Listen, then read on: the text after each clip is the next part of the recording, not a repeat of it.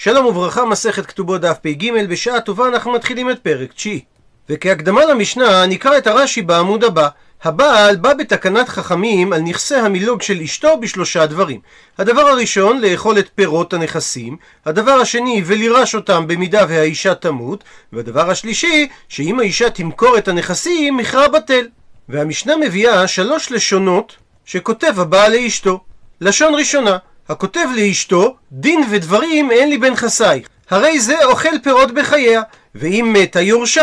אז אם כן שואלת המשנה, למה כתב לה את המילים דין ודברים אין לי בנכסייך? אומרת המשנה שבכך הוא ויתר. אז זכותו לעכב אותה מלמכור את נכסיה, כך שאם מכרה ונתנה, קיים המכר. לשון שנייה, כתב לה דין ודברים אין לי בנכסייך ובפירותיהן. דהיינו, אין לי חלק בקרן של הנכסים, וגם בפירות שלהם, דהיינו, ברווח הישיר מהם. הרי זה אינו אוכל פירות בחייה, ואם מתה יורשה, שהרי הוא ויתר על אכילת הפירות והוא לא ויתר. על הזכות שלו לירש את הנכסים. רבי יהודה חולק ואומר שכאשר אמר הבעל דין ודברים אין לי בנכסייך ובפירותיהן אז הוא אמנם ויתר על הקרן ועל הפירות, דהיינו על הרווח הישיר, אבל לעולם הוא אוכל פירי פירות, דהיינו רווח עקיף, שהרי על זה הוא לא ויתר. עד שיכתוב לה דין ודברים אין לי בנכסייך ובפירותיהן ובפירי פירותיהן עד עולם, שרק כאשר הוא אומר את הפירוט הזה, הוא מוותר גם על רווחים עקיפים. לשון שלישית כתב לה את הנוסח הבא דין ודברים אין לי בנכסייך ובפירותיהן ובפירי פירותיהן בחייך ובמותך. אז במקרה הזה הוא מוותר על כל שלוש הזכויות שיש לו בנכסי המילוג, אינו אוכל פירות בחייה, ואם מתה אינו יורשה. רשב"ג חולק ואומר שגם כאשר הוא אמר את הנוסח הזה, בכל זאת אם היא מתה יירשנה, כי סבר רשב"ג שירושת הבעל זה דין תורה. כמו שלומדת הגמרא בבבא בתרא, מזה שכתוב לשארו הקרוב אליו ממשפחתו וירש אותה, והמילים וירש אותה הן מיותרות. ומכאן דרשו שהאיש יורש את שארו ושארו זו אשתו. וזה למרות שהמילה שארו בפשט הפסוק לא מדברת על אשתו, שהרי כתוב שם ונתתם את נחלתו לשארו, ולא ניתן לומר שתירש האישה את בעלה, שהרי הירושה היא דווקא ממשפחתו של הבעל. ובכל זאת מסביר רש"י, שכאשר יש לנו מילים מיותרות שאותם אנחנו דורשים, הדרשה לא משועבדת לפשט הפסוק, ולכן ניתן לדרוש באופן הבא ונתתם את נחלתו לקרוב אליו ממשפחתו, נקודה, שארו שזו אשתו, וירש אותה, שהאיש יורש את אשתו. והסיבה לפי רשב"ג שאם מתה יירשנה, מפני שמתנה על מה שכתוב בתורה, ויש לנו כלל שאומר, וכל המתנה על מה שכתוב בתורה, תנאו בטל.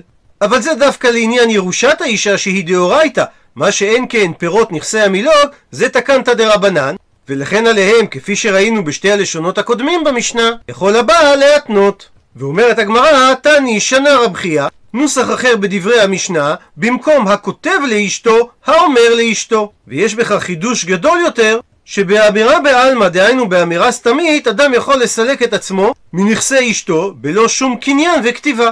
ומקשה הגמרא, וכי כתב לה הכי, מהי הווי? מה מועיל שהבעל כתב לאישה, וכל שכן לפי הגרסה של רב חייא, כשהוא רק אמר לה, דין ודברים אין לי בנכסייך, והתניא, והרי אומרת הברייתא, האומר לחברו ששותף עמו בשדה, דין ודברים אין לי על שדה זו, או משהו בסגנון ואין לי עסק בה, או משהו בסגנון וידי מסולקת ממנה. הדין לא אמר כלום. דהיינו, שדה של שותפים שאמר האחד לחברו אחד מן הלשונות הללו, בין אם הוא כתב לו את זה, בין אם הוא אמר לו את זה, לא אמר כלום, כל זמן שהוא לא ישתמש בלשון מתנה. ונשאלת השאלה, הרי לפי הברייתא משמע שאדם לא יכול לוותר על מה שנמצא בבעלותו, על ידי הכרזה סתמית שהוא מוותר או מסתלק מנכסיו. ואם כך, מדוע במשנה כאשר אדם הצהיר דין ודברים אין לי בנכסייך, מדוע זה גורם לוויתור? מתרצת הגמרא, אמרי דבר רבי ינאי, אמרו בבית המדרש של רבי ינאי, שהמשנה מדברת בכותב לה ועודה ארוסה. כי ודאי מי שהקרקע שלו ובא לתנו לחברו, שהוא צריך לשון מתנה, שהיא לשון של העברת הקניין שלו לקניין של החבר שלו. אבל המשנה שלנו מדברת בכותב לה את הנכסים לפני שהוא זכה בהם, שהרי היא עדיין ארוסה, לכן הוא יכול להתנות עמה שהוא לא יזכה בהן לכשיישאנה. ושם אין צריך לשון מתנה, שהרי אין לו עכשיו רשות בנכסים. וזה תואם לדין כדרב כהנא, דאמר רב כהנא, נחלה הבאה לאדם ממקום אחר, אדם מתנה עליה שלא יירשנה. שאם הנחלה הזאת אינה ירושת אבותיו, אלא על ידי מעשיו תבוא לו, כגון שמדובר על נחלת אשתו, הבאה לו על ידי הנישואים אליה, אז הוא יכול להתנות מראש שהוא לא רוצה לירש את נחלת אשתו. והסיבה שהוא יכול לעשות את זה הוא כדרבה, דאמר רבא, האומר אי אף שבתקנת חכמים כגון זו שומעים לו. שאדם יכול לומר, חכמים תקנו תקנה לטובתי, ואני לא רוצה לקבל אותה כי היא לא טובה לי. ולכן יכול אדם להתנות שהוא לא מעוניין בנחלת אשתו, שהרי הוא יורש אותה בגלל שחכמים תקנו את הדבר לטובתו, ולכן אם הוא רוצה הוא יכול למחול עליה. ושואלת הגמרא, מהי כגון זו? לאיזה דוגמה התכוון רבא כשהוא אמר כגון זו? עונה הגמרא כדרב הונא אמר רב, דאמר רב הונא אמר רב, יכולה אישה שתאמר לבעלה, איני ניזונת ואיני עושה. שחכמים תקנו שהבעל צריך לתת מזונות לאישה תחת מעשה ידיה, דהיינו שהיא תיתן את המשכורת לבעל. ואם אמרה האישה, אני לא מעוניינת בתקנה הזו שתקנו חכמים לטובתי, כי אמנם הם חשו לכל הנשים שלפעמים המשכורת שהן מרוויחות לא מספיקה להם למזונות. לכן הם תקנו שהבעל יביא להם מזונות ומעשה ידיהן ילך לבעל. אבל אני, אומרת האישה הזאת, איני צריכה לכך, או בגלל שמעונגת אני ואני לא יכולה לעשות מלאכה, ולא צריך לדאוג למשכורת, כי אני אמצא לי מזונות באופן אחר, או שיש לי אומנות יקרה יותר על כדי מזונותיי, ואני מעוניינת לפרנס את עצמי ולשמור את היתרה.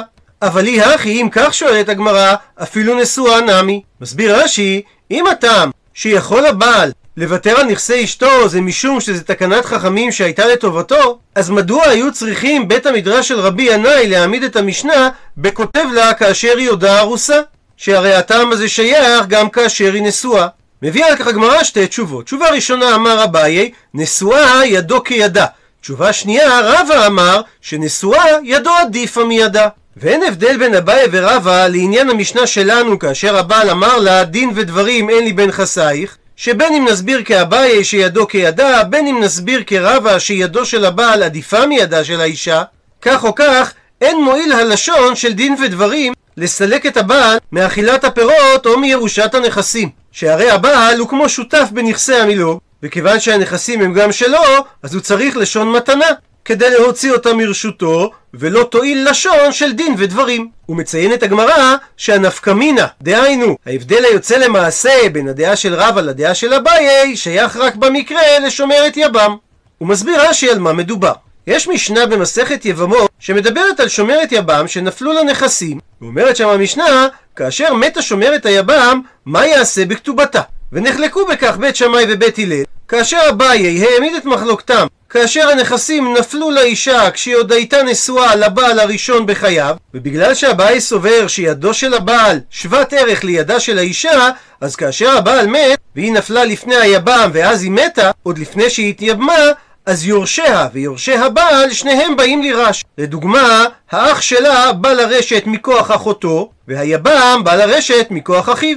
אז לבית שמאי חלוקה עדיפה, ולכן הדין שיחלוקו יורשי האישה עם יורשי הבעל, ולבית הלל חזקה קמייתא עדיפה, ולכן מעמידים את נכסי המלוג בחזקת יורשי האב. ובדוגמה שלנו זה נשאר אצל האח של היבמה. רבא לעומת זאת חולק על אביי, שהרי הוא סובר שידו של הבעל עדיפה מידה של האישה, ואם נעמיד כאביי שנפלו הנכסים כשהייתה נשואה לבעל הראשון, אז כשהוא מת עמד אחיו ליבמה במקומו, והרי הוא כמותו וידו עדיפה על היד של היבמה.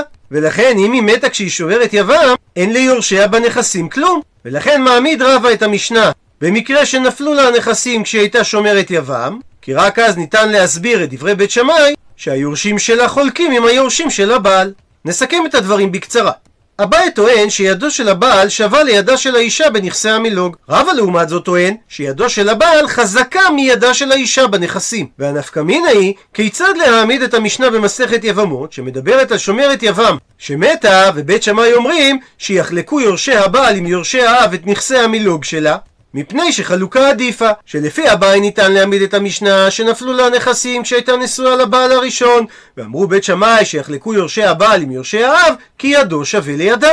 לרבה לעומת זאת, שידו של הבעל עדיפה על ידה של האישה, לא ניתן להסביר שהם נפלו כשהייתה תחת הבעל הראשון, כי אז בית שמאי לא היו אומרים שיחלקו יורשי הבעל עם יורשי האב, שהרי הכל שייך ליורשי הבעל, אלא בהכרח צריך לומר שהנכסים נפלו כשהיא הייתה שומרת יבם. ורק במקרה כזה בית שמאי אמרו שיחלקו יורשי הבעל עם יורשי האב. אבל כפי שאמרנו, אין הבדל בין אביי ורב על עניין המשנה שלנו, אלא רק לעניין שומרת יבם. ואגב הברייתא שהביאה הגמרא לגבי שותף האומר לחברו דין ודברים אין לי על שדה זו, היא באה להו, נשאלה להם השאלה הבאה. כאשר בנוסף למילים בלי המשמעות, גם קנו מידו, דהיינו, הם עשו קניין חליפין.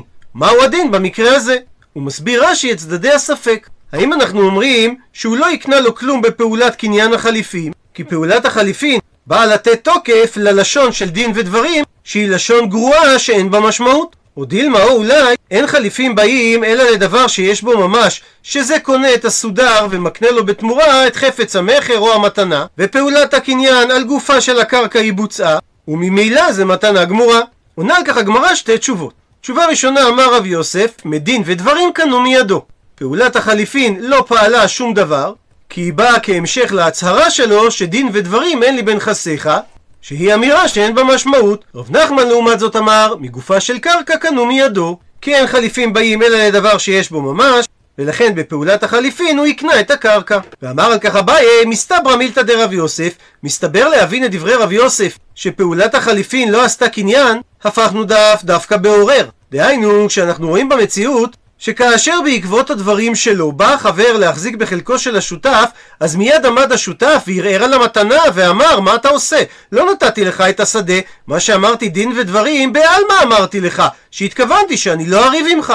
אז ההתנהגות של השותף מוכיחה שפעולת החליפין הייתה זהה לאמירה דין ודברים. אבל כאשר מדובר בעומד, דהיינו שבעקבות הדברים של השותף בא החבר שלו להחזיק בחלקו והוא עמד שם בלי ויכוח למשך יום או יומיים ורק אחר כך ערער השותף ואמר מה אתה עושה? לא נתתי לך את השדה. אז במקרה כזה מסתבר שגם רב יוסף יודע שמגופה של קרקע קנו מידו. כפי שאמר רב נחמן שהרי אם לא כך אז הוא מיד היה עומד ומערער על תפיסת החלק שלו. ומזה שהוא המתין יום או יומיים משמע שהוא אכן התכוון להקנות לו את הקרקע בקניין חליפים, רק שאחר כך הוא חזר בו, והעורך דין שלו לימד אותו לטעון שקניין החליפים לא היה מגופה של קרקע, אלא חיזוק לאמירה דין ודברים. ולעניין פסיקת הלכה אמר המימר, הלכתה שמגופה של קרקע קנו מידו. אמר לאישה על רבה שלי המימר, האם התכוונת בדבריך גם בעורר? דהיינו שזה קניין מגופה של הקרקע אפילו כאשר הוא עמד מיד ויראה על המתנה? או שהתכוונת שזה קניין רק בעומד, שחברו החזיק בחלקו במשך יום או יומיים, ורק אחר כך הוא ערער על הדבר. שואל אותו המימר, למי נפקא מינה? מה זה משנה? מסביר לו רב אשי לחדר רב יוסף. שאם אתה אומר שקניין החליפין הוא מגופה של קרקע גם בעורר, זה אומר שפסקת כרב נחמן ולא כרב יוסף, אבל אם התכוונת שקניין החליפין הוא מגופה של קרקע רק בעומד, הרי שפסקת כרב יוסף, כפי שהסביר אביי את דבריו. אמר להמימר לרב אשי, לא שמיע לי, אני לא שמעתי חילוק כזה בדברי רב יוסף, כלומר במילים אחרות לא סבירה לי. אני לא סובר לעשות את החילוק שעשה אביי, אלא רב יוסף ורב נחמן נחלקו בשני המקרים, ואני פסקתי כרב נחמן, שכאשר הם עשו קניין חליפין, מגופה של קרקע קנו מידו. ציטוט מהמשנה, אם כן, למה כתב לדין ודברים? לומר שאם מכרה ונתנה, הקניין קיים. ושואלת הגמרא, שאם הלשון דין ודברים אלי בן חסאי, פועלת שאכן הבעל מסתלק מזה שהוא לא יכול לבטל את הקניין והמכר שלה, ותימה לי, אז שתאמר האישה לבעל, מכל מילי סליק נפשך. מכל הזכויות שיש לך בנכסי המילוג סילקת את עצמך. ולמה אמרה המשנה שהוא לא מסולק מהכל?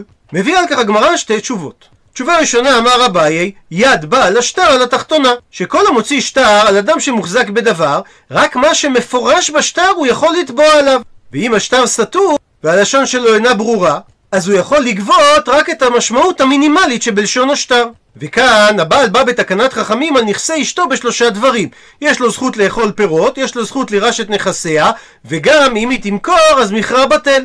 וכנגד זה מוציאה עליו האישה את השטר שהוא כתב לה, דין ודברים אין לי בין חסייך. אבל הבעל יכול לטעון שאומנם יש פה לשון סילוק, אבל לא כתוב שהוא מסתלק מכל הזכויות שלו, אלא ניתן לומר שהוא לא יסתלק אלא מהפחות שבדברים, וזוהי המכירה, שהוא לא יכול לעכב את המכירה שהיא תבצע. אבל כל זמן שהיא לא תמכור, הוא יכול לאכול את הפירות. ועכשיו מנסה הגמרא לברר למה הפחות שבדברים זה המכירה. ואימה מפרי, אולי תאמר שמזכותו בפירות הוא מסלק את עצמו, שלא יאכל פירות בחייה, שזה הדבר הפחות שבכולם. אבל אם תמכור את נכסי המילוג, הרי הוא מפסיד אף את גוף הקרקע שהיה ראוי לירש אותה אם תמות בחייו, ולכן זה לא נחשב הפחות שבדברים, והוא יוכל לבטל את מכרה ולרשת אותה אם היא תמות בחייו. עונה על כך, אמר אביי, בוצינה תו מקרא. הוא מסביר רש"י, בוצינה זה דלת קטנה, קרא זה דלת גדולה. אז האומר לחברו, קח לך דלת קטנה בגינתי, או תמתין עד שזה יגדל ואז תיקח דלת גדולה. עדיף לו לקחת את הקטנה מיד, כי הוא לא ידע מה ילד יום. אז אף כאן חביבה עליו אכילת פירות שהוא תדיר ומיד, מאשר ביטול המכר, שזה דבר שאינו מיד, אלא רק שתמכור, וייתכן שבכלל היא לא תמכור. ממשיכה הגמרא ושואלת, ואימה מירושה? אולי תאמר שהבעל התכוון לסלק את עצמו מזכות הירושה בנכסים אם היא תמות בחייו, שהיא הזכות הפחותה מבין שלוש הזכויות שיש לו בנכסי המילוג, שהרי ייתכן שהיא בכלל לא תמות בחייו. אבל מהזכות לבטל את מכירת הנכסים, הוא לא התכוון לסלק את עצמו, שהרי יש חשש שמא היא תמכור את הנכסים, והוא יפסיד את אכילת הפירות שהוא אוכל כרגע. מתרץ על כך אמר אביי, מיתה שכיחה, מכירה לא שכיחה. מסביר תוספות, מיתה של אישה היא דבר יותר שכיח ממיתה של בעל, שהרי האישה מסתכנת בלידה. לעומת זאת, מכירת נכסי מילוג אינה מצויה, כי אין אישה רוצה למכור את נכסי בית אביה. וכי מסלקין נפשי ממילתא דלא שכיחה, ממילתא דשכיחה לא מסלקין נפשי. וכאשר אדם מסלק את עצמו, מוותר על זכותו, הוא עושה את זה מדבר שאינו מצוי, שזו מכירת נכסי המילוג, אבל מדבר המצוי, שזו ירושת הנכסים, הוא לא מסלק את עצמו. תשובה שנייה, רב אשי אמר שניתן לדייק את כוונת הפעל מדקדוק הלשון שהרי הוא אמר דין ודברים אין לי בנכסיי דווקא מגוף הנכסים ולא בפירותיהן שעל הרווח מהנכסים הוא לא ויתר דיוק נוסף בנכסייך דווקא כאשר הם שלה ולא לאחר מיתה שבטל שמה מעליהן שאז הוא יירש אותם מה שאומר שהוא ויתר אך ורק על זכות עיכוב מכירת הנכסים ציטוט מהמשנה רבי יהודה אומר לעולם הוא אוכל פרא פירות ועל כך מביאה הגמרא תנו רבנן שנו רבותינו בברייתא. אלו הן פירות ואלו הן פירות פירות. מה נחשב כפירות דהיינו רווח ישיר? ומה נחשב פרא פירות דהיינו רווח עקיף? הוא מפרט את הברייתא. הכניסה לו קרקע ועשתה הקרקע הזו פירות, אז הפירות הללו הרי הן פירות דהיינו רווח ישיר. ואם מכר הבעל את הפירות ולקח מהם קרקע ועשתה הקרקע פירות, אז הפירות הללו הרי הן פרא פירות דהיינו רווח עקיף. וממשיכה הגמרא איבאיה להו, נשאלה להם השאלה הבאה. לרבי יהודה, שאמר שלא מספיק הנוסח שאמרת נקמה, דין ודברים אין לי בנכסייך ובפירותיהן, כדי שהוא לא יאכל לעולם פירות בחייה, אלא צריך להוסיף ובפרי פירותיהן עד עולם. לאיזה מבין שלוש האפשרויות הבאות הוא התכוון? האם פרי פירות דווקא, או דילמה עד עולם דווקא, או דילמה תרוויו דווקא? הוא מסביר רש"י. אפשרות ראשונה, שהמילים פרי פירות הם המילים המשמעותיות, שגורמות לסילוג זכותו מפרי פירות ומפירי פירי פירות והוא לא צריך לפרט עד עולם ולחילופין אם הוא כתב בפירותיהן עד עולם ולא כתב בפרי פירות אז העיקר חסר מהספר והוא לא הסתלק מפרי פירות או אפשרות שנייה שדווקא המילים עד עולם הם הגורמות לסילוג זכותו והמילים פרי פירות אינן משמעותיות ולכן אם הוא כתב מפרי פירות והוא לא כתב את המילים עד עולם אז אמנם הוא סילק את זכותו מפרי הפירות, אבל הוא לא סילק את זכותו מפרי פרי פירות. או אפשרות שלישית, שרבי יהודה התכוון שצריך את שתי הלשונות, כי המילים פרי פירות הם הסתלקות רק מהפרי פירות, והמילים עד עולם הם הסתלקות רק מפרי פרי פירות ומה שאחריהם. ושואלת עכשיו הגמרא על כל אחת מהאפשרויות, אפשרות ראשונה. אם תמצא לומר שהמילים פרי פירות הם בדווקא, אז המילים עד עולם שאמר רבי יהודה, למה לי? והרי הן מיותרות. מתרצת הגמרא, הקמא שמלן, כי בא רבי יהודה להשמיע לנו שכיוון דכתב לה את המילים פרי פירות זה בעצם כמאן דכתב לה את המילים עד עולם דמי שהמילים פרי פירות זה במשמעות ויתור על כל פרי הפירות עד עולם ושואלת עכשיו הגמרא על האפשרות השנייה אם תמצא לומר שהמילים עד עולם דווקא הם החשובות אז המילים פרי פירות למה לי? שהרי יכלה המשנה לומר בפירותיהן עד עולם והמשמעות הייתה פירות ופרי פירות. מתרצת הגמרא הקא משמע כי ניתן לומר שרבי יהודה בא להשמיע לנו שאף על גב דכתב לה את המילים פרי פירות רק היא כתב לה גם את המילים עד עולם אין, אכן הוא הסתלק מזכותו על פרי פירות עד עולם אבל היא לא כתב לה את המילים עד עולם, הוא לא הסתלק מזכותו למרות שהשתמש במילים פרי פירות. ושואלת עכשיו הגמרא על האפשרות השלישית, ואם תמצא לומר תרוויו דווקא שצריך את שתי הביטויים, גם פרי פירות וגם עד עולם, תרתי למה לי? למה בעצם צריך את שתי הלשונות ולא ניתן להסתפק בלשון אחת? מסבירה הגמרא שצריכה את שתי הלשונות והיא מפרטת. די כתב לה רק את המילים פרי פירות ולא כתב לה את המילים עד עולם. הווה אמינא אז הייתי חושב שדווקא מפרי פירות הוא דלא אכיל. אבל מפירא דפרי פירות אכיל הוא כן יכול לאכול ואחי הצטריך. לכן מובן למה צריך להשתמש גם במילים עד עולם. ולחילופין, והיא כתב לה רק את המילים עד עולם, ולא כתב לה את המילים פרא פירות. הווה אמינא, אז הייתי חושב, לעולם הפירות קאי, שהוא יתייחס רק לפירות שהם רווח ישיר מהנכס, והוא התכוון לומר, אני לא אוכל את הפירות לעולם, לא בשנה זו ולא בשנים הבאות, אבל פרא פירות אני כן אוכל. לאחי צריך, לכן צריך להשתמש גם במילים פרא פירות. והגמרא לא פושטת את השאלה, מה צירוף הביטויים ההכרחי לשיטת רבי יהודה. ועוד באותו עניין, היא באה להו, נשאלה להם השאלה הבאה. כתב לה, דין ודברים אין לי בין חסייך, ובפרא פירות. והוא לא ציין את הפירות עצמם. אז מהו שיאכל פירות? הוא מבאר את הגמרא את צדדי הספק. האם מפירי פירות סליק נפשי, אבל מהפירי לא סליק נפשי, שנצמדים למה שהוא אמר, והוא סילק את זכותו מפירי הפירות, אבל הוא לא ציין שהוא סילק את זכותו מהפירות עצמם? או דילמא או אולי בזה שהוא סילק עצמו מפירי פירות, בעצם מכל מילי סליק נפשיה, מכל הפירות הוא סילק את עצמו. מתרצת הגמרא, פשיטא דמכל מילי סליק נפשיה. ברור שמשמעות הלשון שמכל הפירות הוא סילק את עצמו. דאי אמרת רק מפרי פירות סליק נפשיה, אבל מפרי לא סליק נפשיה, והרי כיוון דאכלינהו לפירות, אז פרי פירות מהיכא. שאם יש לו זכות בפירות, אז הוא יאכל אותם, וממילא אין שום משמעות למה שהוא אמר, פרי פירות. ולכן בהכרח שהוא התכוון לסלק את זכותו גם מהפירות. דוחה הגמרא את התשובה בשאלה נגדית, ולי טעמך ולשיטתך, שציון המילים פרי פירות בהכרח אומר שהוא יסתלק גם מהפירות, הדתנן, הרי שנינו במשנה את דברי תנא קמא שאמר, כתב לדין לדברים אין לי בין חסייך ובפירותיהן הרי זה נאכל פירות בחייה, והיא מתה יורשה, ועל כך רבי יהודה אומר שהלשון הזאת לא מספיקה ולעולם הוא אוכל פרא פירות וכולי. עד לכאן הציטוט מהמשנה, ולכאורה לשיטתך היית צריך לשאול שכיוון דאכלינו לפרא, פרא פירות מאיכה? שכיוון שהבעל הסתלק מאכילת הפירות והאישה אכלה את הפירות הללו, איך אומר רבי יהודה שהבעל אוכל פרא פירות? שהרי אחרי שהאישה אכלה את הפירות, אין יותר פרא פירות. אלא בהכרח אתה צריך לומר בדשיירה, שהאישה לא אכלה את כל הפירות, אלא השאירה חלק מהפירות ומכרה אותם ולקחה בדמיהם קרקע, ועשתה הקרקע פירות, ואליהם התייחס רבי יהודה ואמר שלעולם הוא אוכל פרא פירות. החנמי בדשייר. אז כך גם תתרץ שניתן להסביר שהבעל לא אכל את כל הפירות, אלא מחרן ולקח בהם קרקע ועשתה אותה קרקע פירות, והוא סילק את עצמו מאותם פירי פירות ולא מהפירות הראשונים. עד לכאן דף פ"ג, המעוניינים בהרחבה, נקרא את התוספות בוצינה תו מקרא, שרש"י הסביר שבוצינה זה דלת קטנה וקרא זה דלת גדולה. במשמעות הפתגם, שאדם אומר לחברו, קח לך דלת קטנה בגינתי, או המתן עד שיגדילו ותיקח גדולה, וטוב לו לקח קטנה מיד, כי לא ידע מה ילד יום. מקשה תוספות שלא מדובר פה על דלת קטנה ודלת גדולה, שהרי קישואין זה בוצינה, וקרא זה דלת. וזה שני מינים שונים, כמו שאומרת המשנה במסכת כלאיים, נוטה האדם קישוט ודלת בתוך גומה אחת, ובלבד שיהיה נוטה שיער שורה זו לכאן, ושיער שורה זו לכאן. ודלת היא גדולה וחשובה יותר מקישואין, רק שהיא מאחרת להתבשל, לעומת הקישוט שממהרת להתבשל. ולכן מסביר תוספות את המשל באופן הבא: אדם יותר אוהב קישוט כי הוא ייהנה במהרה, ממה שהוא אוהב דלת ולהמתין, אף על פי שהדלת טובה יותר. העיקרון די דומה. טובה ציפור אחת ביד מאשר שתיים על העץ. אבל בניגוד לרש"י שמפרש שהמשל משווה בין שלבים שונים של אותו גידול, הרי שלשיטת רבנו תם, ההשוואה היא בין גידולים שונים המתפתחים בקצב שונה.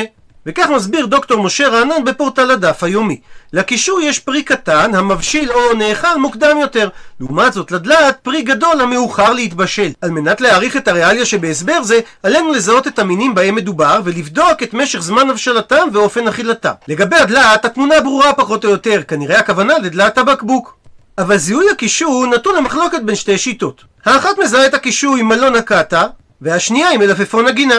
כך או כך, מדובר במינים שעיקר אכילתם היא בעודם פירות בוסר וללא בישול, לעומת הדלת שנאכלת רק לאחר הבשלתה, כי יש לה רקמה קשה והיא זקוקה לבישול ממושך.